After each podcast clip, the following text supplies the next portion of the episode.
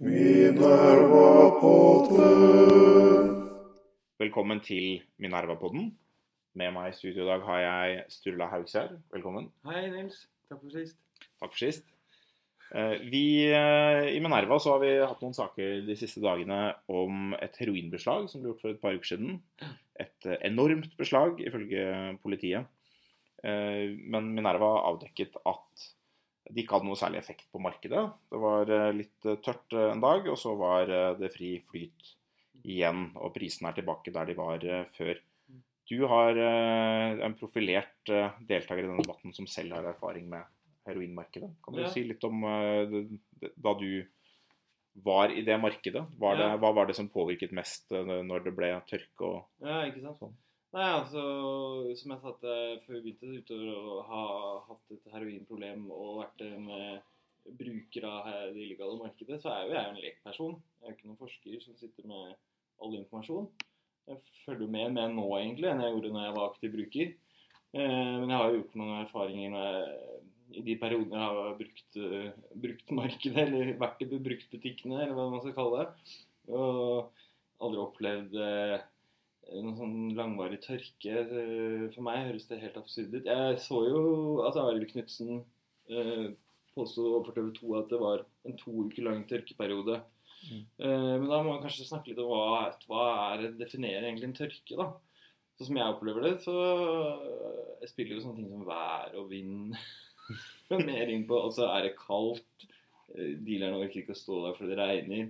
Eller at politiet er rett rundt hjørnet. Så det, altså, stort sett Jeg tror jeg aldri har opplevd å ikke liksom, få tak i. Jeg har opplevd å bli bøffa, selvfølgelig, sånn som Harald Knutsen på, påpekte. 'Fisherman's Friend' knust opp. Det, mm. vel sånn, det blir vel mer sånne opplevelser etter et stort beslag, kanskje. Men hva er det man oppnår med det, egentlig? Man oppnår jo bare at jeg kommer hjem og åpner posen med heroin, og så er det 'Fisherman's Friend', og så blir jeg jævlig forbanna og har det helt jævlig pga. abstinenser hvis jeg er veldig hekta. Og så drar jeg jo bare rett ned igjen, ikke sant. Og så må jeg da skaffe en ny 500-lapp eller 200-lapp eller 1000-lapp eller hva. Det spørs jo liksom hvor hekta jeg er, da. Mm. Og den første tusenlappen den har jeg jo kanskje fått den av, eller fått, eh, ja, kanskje til og med fått eh, se jeg har jobba, ikke sant. For jeg har vært så heldig å kunne leve et dobbeltliv med til dels ålreit betaling av og til. Men neste tusenlappen, eh, etter at jeg har blitt bøffa første gangen For abstinensen er jo der, og suget er jo der, så jeg må jo bare ned igjen, rett ned igjen og kjøpe nytt. Mm. Så neste tus- tusenlappen så må jeg jo stjele av mamma, eller Det spørs jo helt hvem han er, da. Altså, Jeg er ikke typen til å rane folk eller slå ned eller sykle tyv Jeg har ikke disse ferdighetene der.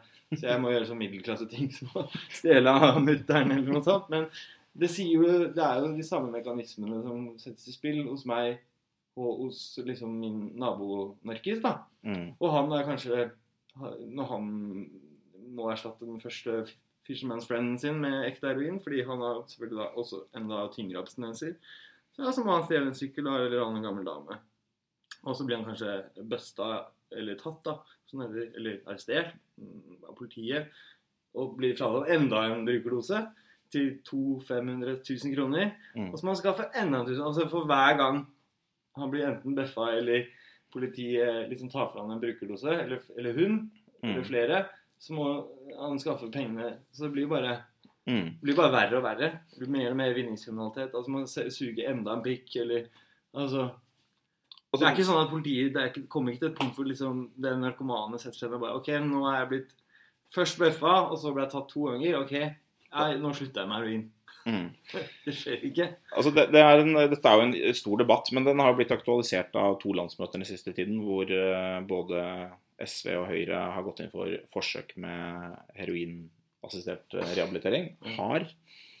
Eh, Det er litt interessant, fordi vi, det er så mye av narkodebatten nå som handler om, eh, om avkriminalisering. Mm.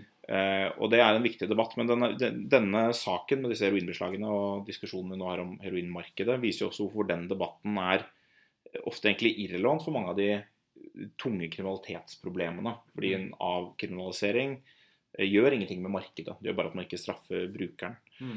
Eh, hva, hva tenker du om, om mulighetene for nå å få til eh, heroinassistert behandling i Norge? Nei, det ser jo ganske lyst ut.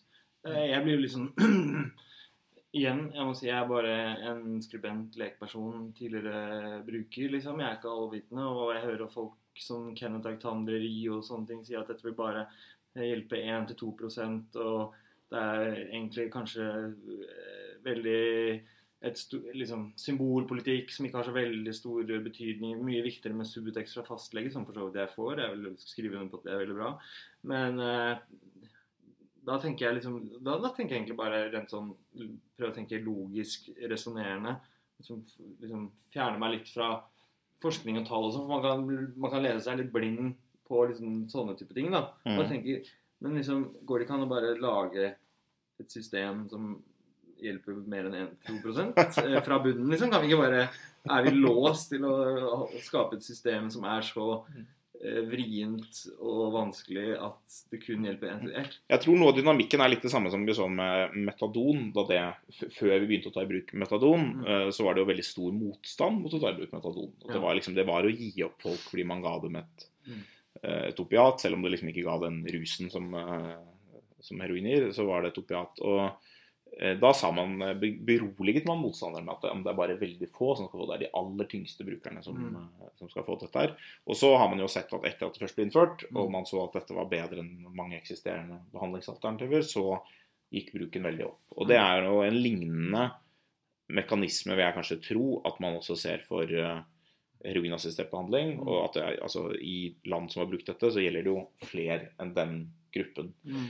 Eh, men det må også sies at det gjelder jo den gruppen som bruker heroin mest. Mm. Så for heroinmarkedets del så vil det jo være en betydelig større andel av markedet enn det er en andel av brukerne. Altså, drømmescenarioet mitt da, mm. det er jo at vi skal den åpne russcenen med det vi har i Norge, med overdosetallene som er forferdelige, sprøytekulturen og alt det fører med seg av sykdommer og, og, drit og den livsstilen og det vi kjenner som plata, junkies og alt det, at det dør ut, men at disse, denne generasjonen dør ut, men med verdighet. da, Akkurat som mm.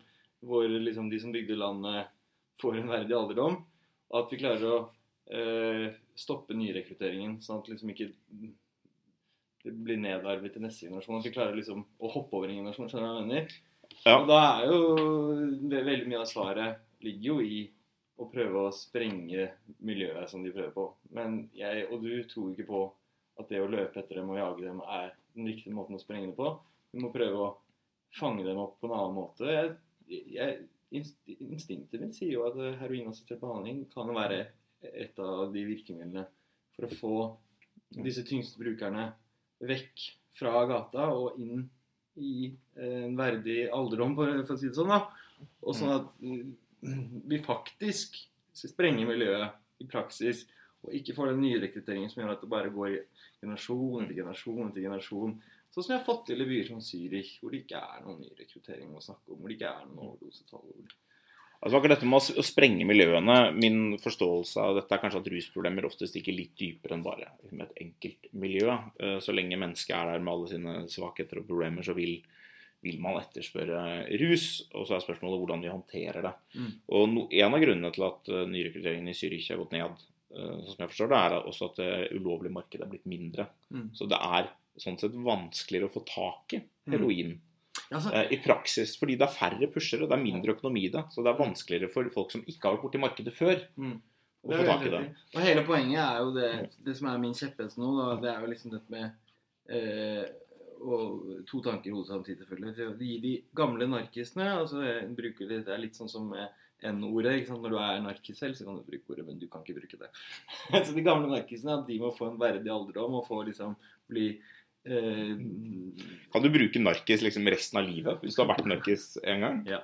Jøye meg. Ja. Eh, men at de unge, da, eh, som er potensielt de som vil havne i, eh, med skadelig bruk, f.eks. med heroin Og her er liksom, kommer vi til det som er veldig viktig, og det som de har fått til i Portugal, å distingvere mellom en gruppe spesielt av unge som har eh, en psykologisk eller eh, genetisk profil som gjør dem til, sårbare. sårbare for eh, å bli rammet av skadelig bruk, og de som ikke eh, er i faresonen.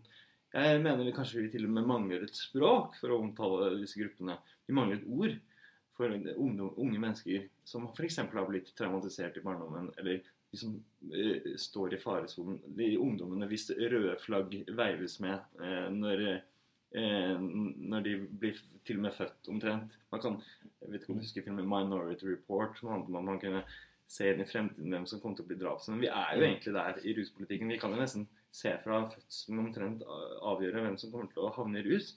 Som min fetter, avdøde fetter, som ble født liksom med abstinens, og han var fosterfetteren min. da. Eh, Mm. Man kunne nesten fra fødselen av vite at han ved veldig veldig stor sannsynlighet så Mm. Det skal mye til for at han ikke havner der, da. Det er vel mange, så for den skyld, det er vel en del som havner i rusmiljøer eh, uten å ha en genetisk Ja, profil. også. ja, ja, ja, selvfølgelig. Men det er mange veier inn, og det, det, er, det er det som er viktig her. Å liksom å klare å si både, både være generaliserende og nyanserende samtidig. Mm. Og si at liksom i overveiende grad så er det folk som på en eller annen måte har opplevd noe traumatisk, eh, som havner i store eh, misæresituasjoner med rus. altså Mm, som er havner med problematisk rus. Men samtidig må man også nyansere. Man kan ikke si at alle har blitt utsatt for overgrep. eller noe sånt. Man må klare å liksom, både som en som bringer budskapet, og de som lytter på budskapet, må klare å forholde seg til både en generaliserende måte å se det på og en nyansert måte å se det på. Men poenget jeg skulle frem til, var at disse unge menneskene, som vi håper da ikke blir nyrekruttert til dette åpne heroin-sprøytekulturgreiene vi har i Oslo, som er Mm. unikt i negativ forstand, Mm. er jo det at de er, de er jo selv, det er jo selvskading de driver med, skråstrek selvmedisinering. Og for dem, når de entrer eh, sin ruskarriere, så er det ikke sånn at liksom Ja, jeg skal begynne med heroinsprøyter. Det har jeg bestemt meg for. for det, er. Altså, de er bare helt lost. De bare vet Altså, de vil bare lindre smerten sin på en eller annen måte og gripe etter det nærmeste som er Mm. og hvis vi ikke har da en åpen russcene hvor heroin liksom er en utrolig Når du prøver det, en utrolig lettelse for dem. Hvis vi ikke har det, som du sier i Zürich, så vil de gripe etter noe annet. ikke sant? Mm. Eh, Så det er jo, det er jo veldig sant at tilgjengelighet eh, er viktig i det perspektivet. Men klart, og som du sier, De vil gripe etter noe annet. så Sånn sett har vi ikke løst alle problemer heller. Nei. Eh, Når folk har vanskeligheter, så, så vil de gi seg et eller annet utslag. Men bare, til- Du nevnte arkdander eh, Mm. i, i rusfeltets eh, Interesseorganisasjon. som Eh, trakk frem et argument som, som veldig mange bruker, og det er at eh, dette vil ikke hjelpe alle. og Det er, liksom, det er mange som ikke vil bli hjulpet, og det løser ikke alle problemer. Og det er ikke en, eh, liksom en, en sølvkule som løser alle problemer. Jeg synes Det er et sånn rart argument. altså det er sånn Vi snakker mye om I stedet snakker man om ettervern og andre sånne ting. Det løser jo heller ikke alt. Det er et veldig rart argument mot et tiltak som har positiv effekt å si dette løser ikke alle problemer. Mm. Derfor kan vi ikke gjøre det. Mm, Nei, det det er, jo eh, dette det- bedrer noen ting, derfor bør vi gjøre det. Sånn, det Ja, nei, altså Argumentet bygges jo opp under det at eventuelt koster såpass mye penger at de pengene blir tatt, stjålet fra andre gode tiltak, da. Ja, men det er jo, dette er jo grundig utredet at det er samfunnsøkonomisk lønnsomt. Så det er en litt sånn Ja, nei, side altså, jeg er helt Jeg leser jeg- rapportene. Men ja. her er sikkert du mer eh, opplest enn meg, ikke sant? Det håper jeg. ja, det håper jeg òg. Jeg har lest alt som er har men jeg er opptatt av hvordan eh, vi kan gi disse Mm. ungdommene eh, Hvis vi klarer da å eh, identifisere eh, dem mm, og isolere dem Misforstå meg rett. Hvis vi klarer å Mm. fange dem opp da, Mm. tidlig i sin ruskarriere, så tror jeg eh, vi kan bruke mesteparten av ressursene på dem, som forhåpentligvis da blir frigjort fra eh, f.eks. justissektoren eh, ved å omlegge politikken.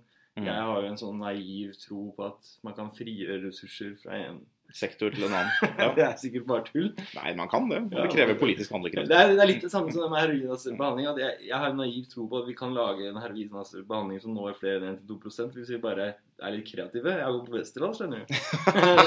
Så jeg har en tro på at vi kan eh, fange opp eh, fange opp mange av disse unge. Mm. Og, og da har jeg jo en tro på at vi kan gi dem noe annet, da. For det de ønsker jo, er jo eh, en slags type pain relief.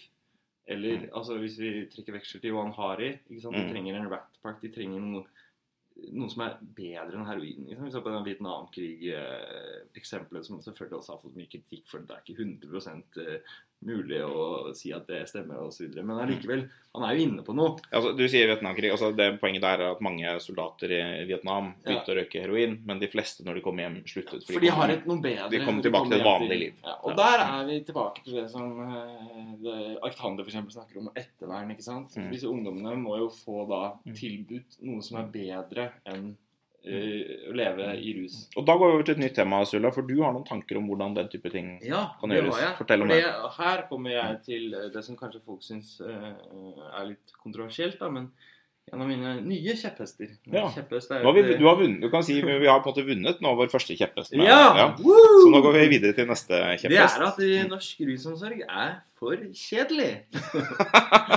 og det vet jeg både fordi jeg har vært medlem og brukt den selv, og fordi jeg har sett den fra utsiden og innsiden. Og, ja. Men poenget er at eh, ikke sant, vi har en Du, du, vet, nå må avbryte du vet at du måtte veldig lett kunne blitt sånn narkis-fyren fra helvete fra Westerdal. Som er sånn Nå må vi ha kreativitet, dere! Nå må vi Junkiesene trenger, og det skal være liksom Ja, ja, teambuilding. jeg, og jeg stiller meg laglig til hoggs der. Og Jeg tuller. For, jeg kaster ball og svarte hatter og sånn. Ja, jeg skjønner det. Men allikevel, poenget er at hvis vi da for argumentasjonens skyld, eller hva man sier, sier at vi har liksom klart å løse problemet med disse gamle junkiesene, narkisene, junkie narkis, jeg kan bruke det ordet så mye jeg vil, og at de får en verdig alderdom med heroinaster behandling og sånn, og så har vi klart å liksom eh, bri- ikke bridge the gap, eller hvordan man skal si det. Klart å separere separere det, og Ja. så isolere disse unge, og brukt, satt inn støtet mot de, så ville jeg da tenkt at det vi må gjøre nå, er å skape en rusomsorg for disse unge som enten er på vei inn i en ruskarriere, eller som er helt på starten, eller som liksom som jeg har klart å fange opp, og Mm. tilby dem noe som er bedre enn ruslivet deres. Ja. Noe som er spen mer spennende, mer givende og eh, mindre eh, fristende. Og da er Altså, argumentet at dagens rusomsorg er eh, For kjedelig! for kjedelig. For dem! De er Mm. ungdommer, de ser på Netflix, de er på Instagram. De er ikke Altså, Det holder ikke for dem å ri en hest opp på, eh, på eh, Frelsesarmeens hytte og male en vegg og dra Sånn som de gjorde med de- altså, akkurat som Det er ikke de gamle sosialdemokratiske trauste. Male vegg, ja! Det er akkurat det jeg ønsket meg! akkurat som resten av samfunnet, så er jo eh, følger jo rusbrukere og rusmisbrukere, eller kall det hva du vil. Jeg kan kalle det hva jeg vil. Mm. Så følger jo de eh, konjunkturene Mm. til samfunnet for øvrig. Og dagens ungdom er jo Mm. eh, dessertgenerasjonen. Mm. Også de tyngste brukerne, potensielt de som kan bli tunge brukere. Og de krever mer enn forrige generasjon. Altså, Og hva er det du ser for deg da? da ser jeg for meg, helt eksplisitt, da ser jeg for meg et sted hvor de kan gjøre aktiviteter som er givende i den forstand at de både kan eh, eksempel, de går på fest. Jeg skal ikke de gå så mye på fest, da. Det er liksom det er poenget, men de går iallfall i sosial sammenheng. Og Mm. så blir kommer spørsmålet Hva er det du driver med, da? Nei, jeg er, jeg er en ung narkoman som bor på ettervern og gjør ingenting. En gang i uka så drar vi til Sverige, og så Eller så maler vi en abstrakt vegg bort på hjørnet her. Mm. Hvis de isteden da kan si f.eks. Nei, vi er Og så har dette stedet et kult navn, og de gjør noe kult. F.eks. kanskje samler inn klær til asylsøkere, eller lager mat eh, som, til fattige eh, rumenere. Eller at de er med å bygge samfunnet på en eller annen kul måte. F.eks. hjelpe en annen svak gruppe. Det er en liten sånn idé jeg har, da. Mm. At en svak gruppe skal hjelpe en annen. Det kommer faktisk fra Tolvtrinnsprogrammet. hvor, eh, En blind skal hjelpe en døv og Yeah, the therapeutic Mm. one, uh, the therapeutic value of one addict helping others without parallel. Altså hvis en svak gruppe, eller verdien av Mm. å kunne hjelpe når man er selv F.eks. at de kan eh, spille fotball med asylsøkerne. Altså, altså Mm. kan de da eh, Da kommer de til å tape, tape altså. ja, da kommer de til å tape på noen sånn Ronaldo-type fra Albania. sånn, Men eh, det tåler de. Mm. Eh, for de, har, de, det jeg tror som er eh, jævla viktig å, å tenke når man skal bygge en sånn ny rusomsorg, er at disse ungdommene eh, de vil gjøre noe som føles verdifullt, og som de kan skryte av. Ikke sant? Vi er jo Mm. Twitter, Facebook, Instagram-generasjonen. De vil bidra med noe. De vil ha en status. De vil kunne si at jeg Mm. Noen- bor på ettervern, la oss kalle det da, Rat Park på Fagerborg. ikke sant? Nå merker jeg litt på den sånn konservative siden av meg her. At det er eh, gøy? Nei, altså at det er litt sånn jeg, jeg, det, Det skal det kan- være litt straff. Det skal være litt Nei, det kan, jeg tror at det kan det, Jeg tror det er mye spennende det du sier, ja. Men jeg tror mange vil nok reagere litt sånn at sånn, skal du få en Skal de ha det gøy? Du skal få en slags belønning fra samfunnet. Du skal få tilrettelagt masse kreative aktiviteter. Og, og på en måte være som du sier, dessertgenerasjonen. Vi, vi som er litt eldre, Sturla, vi er jo vi misliker jo hele denne dessertgenerasjonen. Ikke bare rusbrukerne, men alle de andre også, som forventer å De få er veldig ting. søte. jeg ser på når våren kommer.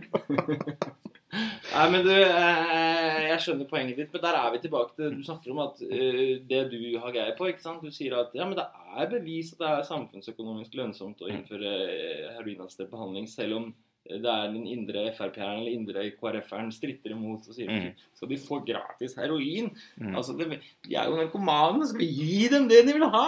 Mm. Da skal du sette en flaske sprit foran eh, en alkoholiker. Mm. Det er litt det samme, ikke sant? Skal dessertgenerasjonen, skal de unge folka som sliter med rus, skal de få belønning for at de er, eh, fordi at de er kresne? Mm. Skal, de, skal, vi, skal vi tilrettelegge for at de skal ha det gøy, og at de skal få likes, og at de skal få liksom se på de kule TV-seriene og ha bo liksom Skal de få en kul Rat Park? Hvorfor skal Mm. de få en belønning for at de har havna på sidesporet? Mm. Jo, de skal få det fordi det er samfunnsmessig lønnsomt. Mm. De skal få det fordi det kommer resten av oss til gode. Du bytter tema litt videre. Du skjønner poenget? Jeg skjønner poenget. Og det, du kan avslutte her, dette med at dette er noe, dette er et konkret prosjekt som du Ja, dette er, jeg kommer rett fra rådhuset, og vi er Mm. akkurat i gang eh, med Inga Marte Torkelsen og Benjamin Larsen, som er han, ja. hennes eh, Og dette er jo en perfekt anledning til å på en måte Ja. holde kidnappe dem i deres lovnader mot meg. Det er jo veldig trist for, eh, for oss i Minerva selvfølgelig at det er SV som gjør disse tingene. Ja, Men men eh, Høyre kan liten shout-out til- til Benjamin. Jeg er hired gun. jeg er helt politisk, parti, politisk uavhengig. Du har hatt mye hvem kontakt som har med- lyst til å være med og spille ball, kaste ball, Westerdals hatt. mm. Men eh, du, vi snakket om en annen ting her før vi begynte også, Strulla. Du, du, du snakket om, nå har vi snakket om de vanskelige, de som har vanskelige opplevelser, som får problemer med rus. Så finnes det jo alle de som eh, ikke har vanskelig oppvekst, og som kanskje ikke har problemer med, med rus, men som, ønsker, altså som, som har, klarer å bruke rus. Ja. Og dette er jo en gruppe i den norske debatten som jeg, jeg av og til er litt kritisk til. Det er altså disse, alle de som jobber hardt for Ikke fordi jeg er nødvendigvis politisk uenig, men som på en måte vil fremme alternative ruskulturer. Mm. Eh, enten det er MDMA eller cannabis eller, Ja. eller andre ting. Og der er det jo min konservative side liker jo ikke rus i det hele tatt. Jeg synes at folk, jeg liker jo, jeg drikker jo alkohol, selvfølgelig, men jeg syns at folk blir fulle, og de blir uansvarlige, og folk røyker cannabis, og de, de oppfører seg på en måte de ikke burde gjøre, og de, de burde heller bli lutheranere og søke synsforlatelse. Det er jo mitt sånn instinkt. Men du har vært og reist, og hva har du sett? Ja, så Jeg har jo da funnet litt, sånn eh, internasjonal krypin på et øy som heter Kopanjang i Thailand, som alle de som har hørt om det, kjenner som stedet hvor israelerne, israelske backpackerne i 1984 startet det som heter nå Full Moon Party. Begynte med 300-400 israelske eks-soldater som har fått 30 000 shekel eller noe sånt for å, som en sånn slags bonus etter å ha kriget i fem år. Eh, for å reise rundt gjerne for, Faktisk generasjonen før reiste ofte til Norge. En liten avsporing. Men etter hvert så begynte jeg å reise til Goa og Thailand. Det starta i Full Moon Party, da. Så nå er 30 000 mennesker hver måned. Mm. På en strand som heter Hadrin. På en øy som heter Kopanjang, som ligger utenfor Bangkok-bukta. Mm. Rett ved Koh Samui, der hvor norske familier gjerne drar for å ha to uker juleferie. Men eh, hvis du tar da båten ti minutter fra den stranda hvor Full Moon Party går med den ruskulturen som vi kjenner fra Oslo veldig godt, Masse alkohol, Masse og litt alt. Og litt alt annet som er illegalt, og du kan bli arrestert, og det er masse kriminalitet, og det er vinningskriminalitet, og alt det er liksom helt vanlig mikrokosmisk norsk ruskultur, og veldig mange norske, svenske folk der også. Mm. Det er egentlig som å gå på en skikkelig fyllekule på, i Oslo, liksom. Mm. Omtrent. Mm. Men så tar du båten ti minutter rundt der hvor jeg er, da. Mm.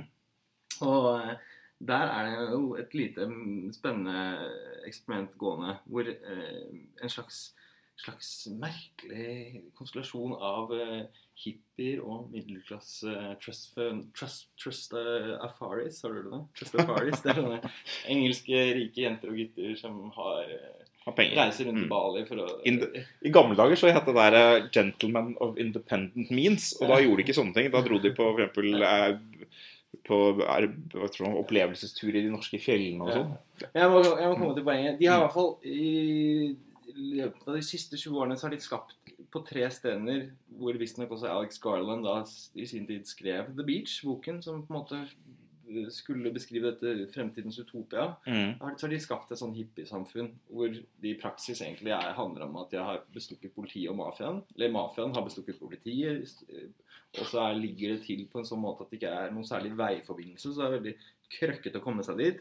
Så Mm. politiet bruker det som en slags unnskyldning. Som de får egentlig penger, ikke sant. Men de sier sånn Nei, vi klarer ikke å, vi klarer ikke å vi klarer ikke å patruljere disse strendene, så det er i praksis legalisert, disse stoffene. Mm. Ikke metamfetamin og heroin. Det er liksom en sånn regel, sånn intern justis de har. Mm. For de ønsker ikke å ha Fordi det er liksom upscale En thailandsk variant av Kristiania, kan man kanskje si. Ja, med MDMA og syre og sånn. Og der er jo liksom min opplevelse, for jeg har vært der nå elleve ganger. Ikke fordi eh, I hvert fall ikke de siste gangen. Ikke fordi jeg eh, er så jævla opptatt av MDMA som folk gjerne liker å tro. Men er journal- mer sånn Nei, altså, Nysgjerrighet det ja, en blanding av nysgjerrighet og at jeg har funnet meg liksom en liten krok der, da. Men Mm. det som er interessant, som jeg ser da når jeg er der, eh, og ruser meg mindre der enn jeg gjør i Norge eh, Det er jo ikke bevis for ingenting, men det jeg legger veldig distinkt merke til, er jo det at Og det beviser jo heller ingenting, egentlig, men eh, det gir en pekepinn. Det, det selges alkohol her, men det er veldig eh, frowned upon, hvis det ikke er for vanskelig ord for eh, Minervas lyttere. Det er veldig sånn eh, lite på. Det er ikke comme il faut, for å bruke et uttrykk som Minervas å drikke seg full. Ja. Og folk som drikker seg fulle, blir, Mm. om ikke, om ikke kastet ut, så blir det litt sånn Hallo, du passer ikke inn her. Dra Mm. tilbake til eh, Den andre stranden. den andre stranda, hvor det er Mm. buckets og vold og voldtekter og drit og møkk og politi og korrupsjon og vinningskriminalitet. Vi vil ha dette lille enklaven her, og vi vil ha folk som gjerne sitter i restauranten, voksne folk som røyker joint og om, gjerne tar MDMA og gjør hva de vil, men ikke folk som drikker seg dritings. Det vil vi ikke ha. Mm. Og det jeg ser distinkt, er at når liksom denne kulturen forplanter seg, så blir det på en måte Det er jo akkurat som en sekt, ikke sant? Det blir jo sånn eh, Første gangen det ordet ble tatt i bruk, var vel faktisk når de skulle beskrive Maos kulturrevolusjon. Nei, ikke kulturrevolusjon, men selvrevolusjonen. Gruppetenking. Mm. Altså gruppetenking. Det blir jo sånn. Og det, det ender jo med at eh, folk eh, Ja, de tar seg kanskje en øl, men det er det. Men du, du sier dette som noe, noe interessant, noe positivt? Ja, det er, For meg virker det som et mm. Men dette er jo et middelklassefenomen, da, selvfølgelig. Mm. Eh, og det, det er ikke noe mulig å implementere i hele samfunnet. Men det er jo, da er vi litt tilbake til det vi snakket om i stad også, at eh, økt tilgjengelighet vil gi økt bruk, men eh, først og fremst hos middelklassen, hos de som på en måte har kontroll på livet sitt, tror jeg, da. De Ja. Her, her kommer jo noe av min skepsis inn. Altså, jeg, eh, dette er jo en gruppe med litt sånn selvselekterte folk. Altså, dette er folk som oppsøker den rusen. Ja, ja. Sikkert noen nysgjerrige turister, på en måte, men, men det er folk som eh, kanskje ikke har noe godt forhold til alkohol. Mm. Og det er forstått, også det er noe jeg mener at vi, vi alkoholbrukere bør ta på alvor. Det, både fordi vi, vi ser det hver helg, at mange mennesker burde ikke drukket. eh, Men de har et rusbehov, kanskje de burde gjort noe annet. Eh, Men, men det er jo de som oppsøker dette, så det er jo en selvselektert gruppe. Det er ikke nødvendigvis sånn at alle andre alkoholbrukere ville stoppet å, å drikke alkohol fordi de får dette her.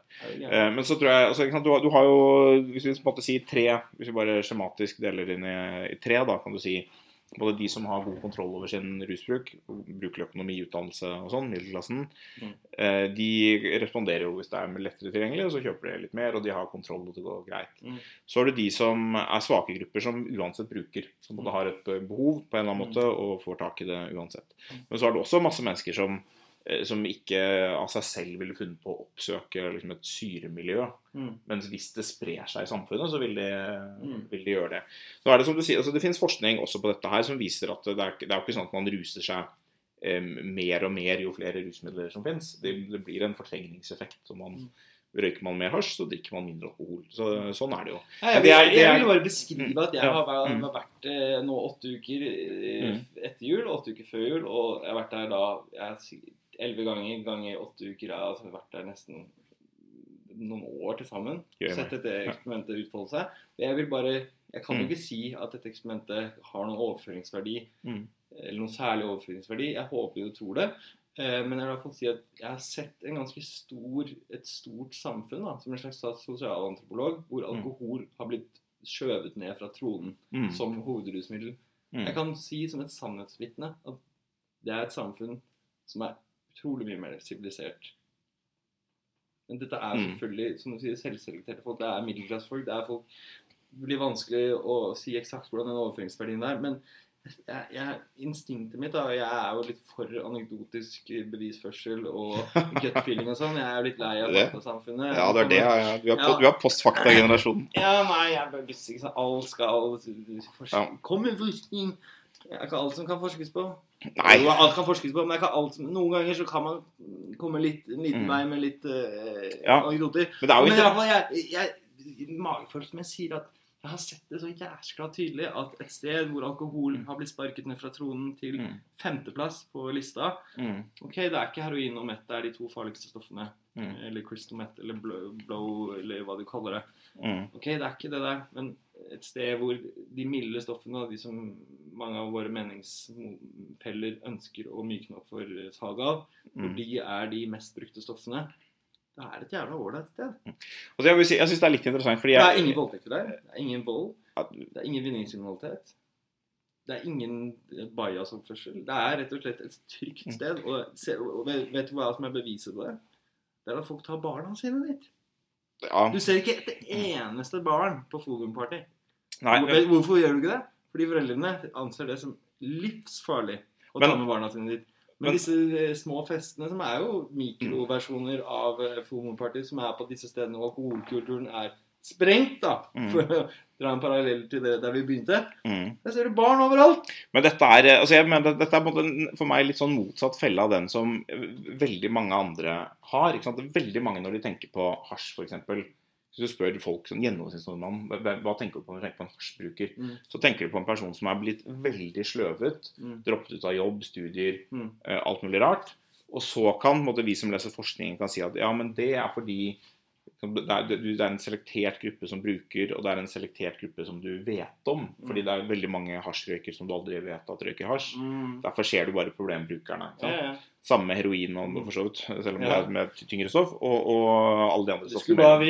sant? Kokain, alle den type ting. Det, det, de vi ser, er de som går på trynet. Mm. Uh, og her er det på en måte det stikk motsatte.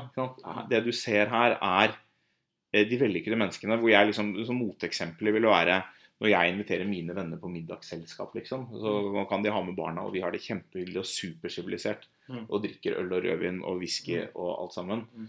Uh, og så kan de si 'se så bra alkohol er'. Mm, Og så ja. vet vi alle hvor vi skal gå for å se at Men det ikke er selv sånn. eh, Det er jo Oslo i, på lørdag kveld er jo full av middelklassefolk som dreper hverandre, liksom. Ja, ja, ja, ja, det er de. Det er ikke helt sant. Jo, det er sant. Nei, det er ikke fullt. Det er nesten.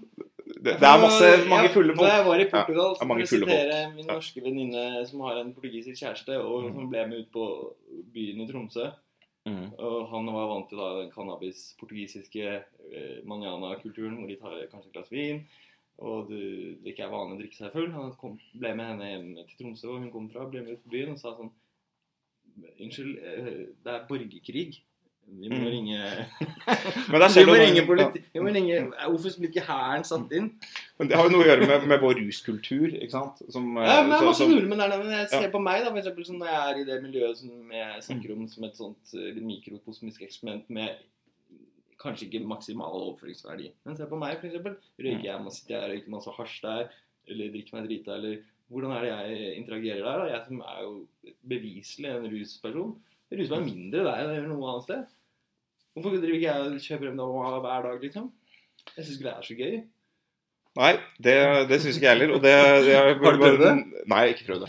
Nei, men altså, jeg Eh, bare... Men eh, ja, jeg tror vi får, får, la, vi får Jeg får notere min eh, skepsis går til lytterne om at dette er veien å gå. Men Nei, eh, jeg får- sier jo ikke at det er veien å gå. Jeg bare sier at jeg har sett et, Mm. et, et, et eksperiment der hvor eh, alkoholen har mistet sin plass som hovedrusmiddel nummer én. Mm. Og i, selvfølgelig med alle variabler som vi ikke kan ta med, si, så ser det litt lovende ut. Jeg må si en ting til, som jeg, for dette er jo sånn Aksel Blond Sterri har vel skrevet noe liksom, om hvor farlig det er med alkohol. Det er mange, mange i det miljøet som eh, er opptatt av, eh, av det. Og det er jo relevant i en viss sammenheng for eksempel, å påpeke at cannabis er ikke nødvendigvis mer skadelig enn alkohol. og Det samme gjelder kanskje et par andre stoffer osv. Men jeg, på, jeg er ikke sikker på om det er noe sånn veldig klokt, eh, klok argumentasjon hvis man ønsker å få støtte fra flertallet til denne politikk og si sånn Nå skal vi fjerne alkoholen. Sånn, frem det. Hva, Jeg sitter ikke her for å prøve å få støtte til noe som helst. Jeg sitter her bare for å Ja, ja, fortelle litt morsomme historier. Ja, men det, jeg tror det, det, med det så skal du få, få siste ordet. Jeg fikk siste ordet. Men uh, tusen takk for at du kom i studio. Jeg skal bare si en ting på helt på slutten. Det er det at eh, Fikk du siste ordet? Ja, det, det som er paradoksalt der, vet du, er jeg er jo kjent som en eh, illegal rusbruker. Og hvilket rusmiddel var det jeg brukte mest når jeg var der? Det var alkohol. Men jeg brukte veldig lite, og jeg drakk meg aldri full. Og det var siste ord. Takk for at du hørte på Minerva-podden. Takk for i dag. Minerva-podden.